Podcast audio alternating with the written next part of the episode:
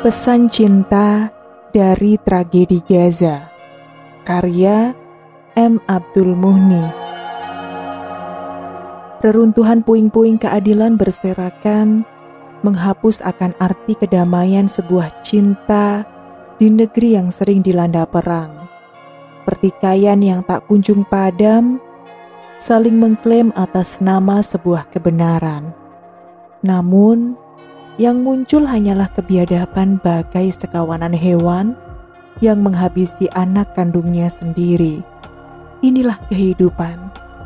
Dalam perjalanannya selalu ada keindahan, canda, derita, dan tragedi, serta beragam problematikanya.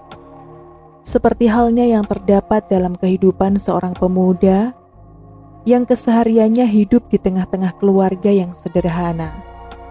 Hanya pendidikan wajib di sekolah dasar yang ia rasakan. Namun, logika yang dibangun untuk merajut kesuksesan sangatlah tinggi. Kecerdasan yang dimilikinya mampu menumbuhkan jiwa sosial terhadap sesama.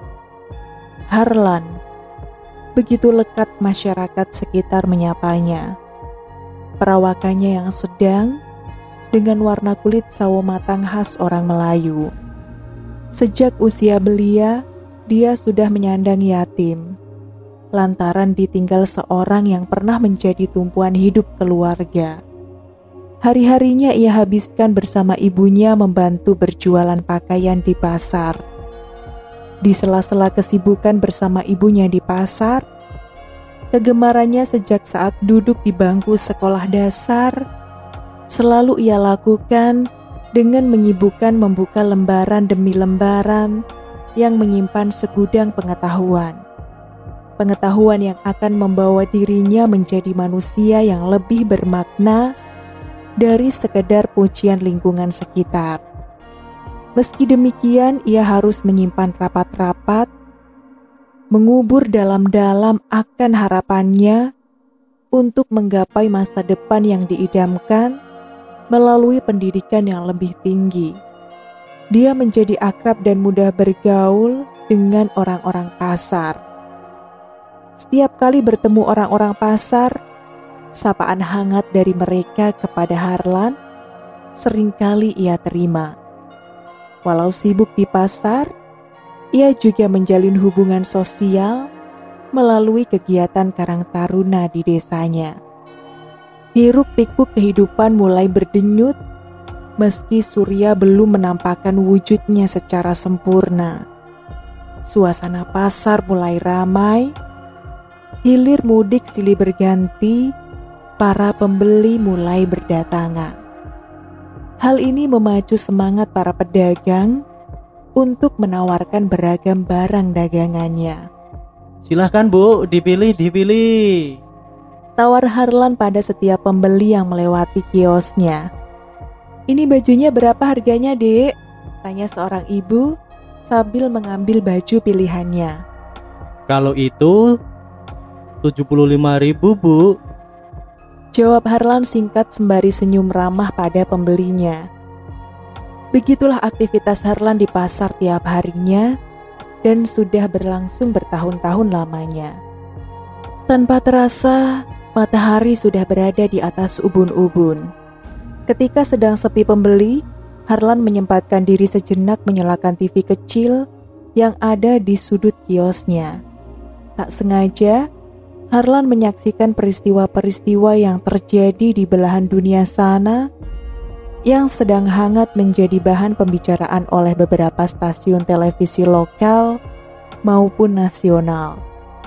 Peristiwa itu adalah gejolak peperangan yang terjadi di Timur Tengah yang memakan banyak korban, hingga banyak nyawa yang tak berdosa pun menjadi imbasnya.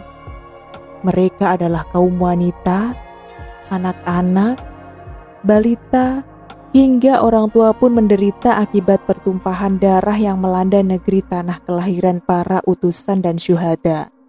Stabilitas keamanan, ekonomi masyarakat menjadi tidak teratur. Kurangnya pasokan bahan makanan dan obat-obatan semakin menelantarkan para korban.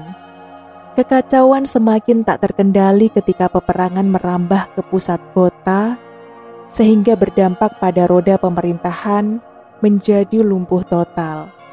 Meski menyaksikan lewat layar kaca, dengan penuh rasa iba, hati kecilnya mulai terpanggil untuk mengabdikan dirinya membantu para korban yang sedang membutuhkan pertolongan.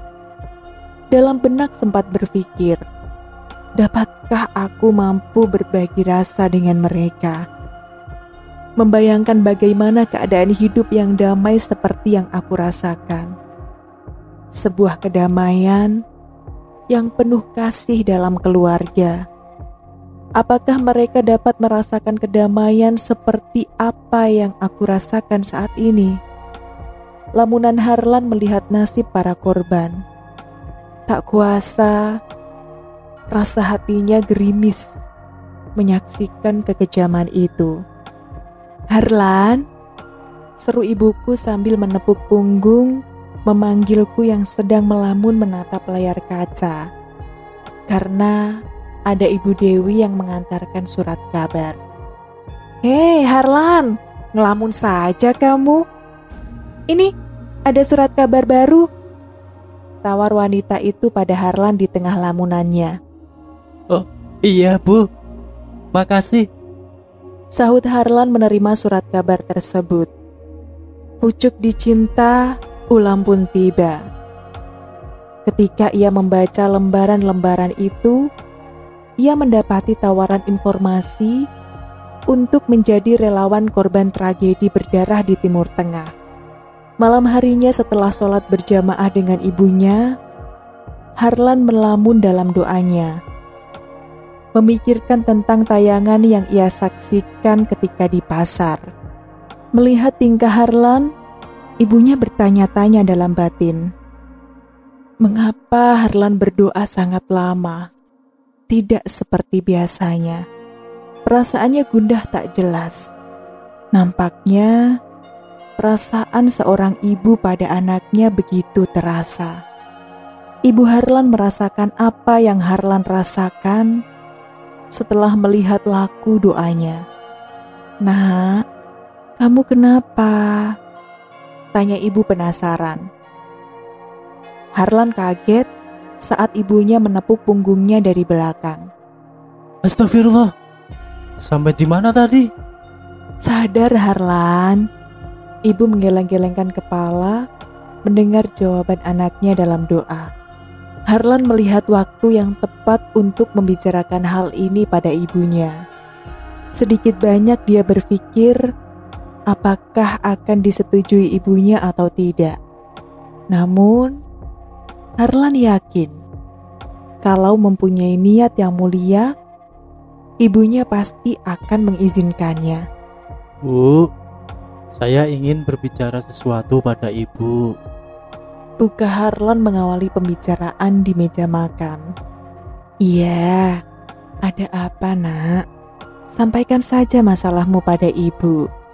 Gini bu, saya terpanggil untuk menjadi relawan ke Palestina. Jawab Harlan pelan.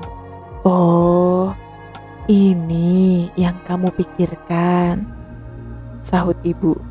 Menjadi relawan itu tugas yang sangat mulia, apalagi melihat realita di lapangan bahwa mereka sangat membutuhkan pertolongan. Dari jawaban bijak ibunya, Harlan justru merasa sedih, matanya berkaca-kaca. Bagaimana nanti keadaan ibu setelah berpisah? Padahal Selama ini Harlan yang selalu membantu ibu jualan di pasar. Di sela-sela Harlan menunggu hari keberangkatannya, dia menghitung-hitung hari sambil melingkari angka-angka kalender yang terpasang di dinding kamarnya.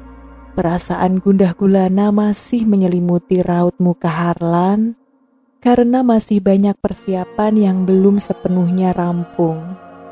Kegundahan itu karena dia masih terbayang ibunya. Kenapa ibunya begitu rela mengizinkannya? Tetapi dalam benak Harlan terbersit tetap ingin mengabdikan diri demi misi kemanusiaan yang ada di sana. Lan, besok kan kamu akan berangkat ke Jakarta. Sudah sejauh mana persiapan kamu? Tanya ibunya. Sudah sepenuhnya siap, Bu. Jawabnya yakin. Ya sudah. Ibu merasa tenang mendengar jawabanmu. Ibu hanya dapat mendoakanmu dari sini. Semoga kamu lolos dalam seleksi nanti dan tercapai keinginanmu mengabdikan diri untuk menjadi relawan. Jawab ibu seraya mendoakan. Doa ibu merupakan kekuatan bagi Harlan. Sebuah motivasi yang luar biasa mengiringi setiap langkah. Harlan mengecek segala keperluan yang akan dibawa ke sana. Lan, ibu cuma berpesan, tetaplah pada lima waktu itu. Mohon perlindungan dan kekuatannya saat bertugas di sana. Pesan ibu sebelum perpisahan. Bunyi klakson motor dari tukang ojek di beranda rumah sudah terdengar memanggil-manggil adalah suara dari motor tukang ojek yang akan mengantar Harlan menuju terminal. Ya, Bu. Insya Allah apa yang menjadi pesan ibu sepenuhnya akan Harlan laksanakan. Karena itu sebagai suatu kewajiban kepada Tuhan sebagai seorang hamba. Begitu juga ibu. Ibu tetap harus menjaga kesehatan selama aku bertugas di sana. Nanti Harlan akan menghubungi ibu tiap beberapa hari. Assalamualaikum Bu. Tak terasa air mata mengalir dari ketulusan seorang ibu yang ia saksikan. Harlan pun mencium tangan ibu seraya menunduk dalam perpisahan. Harlan perlahan menjauh dari ibunya sambil melambaikan tangan. Berat rasanya melihat lipatan wajah ibu yang sayup sedih menatap dari kejauhan atas kepergian putranya yang sangat dicintai beserta motor ojek yang ditumpangi meninggalkan halaman rumahnya.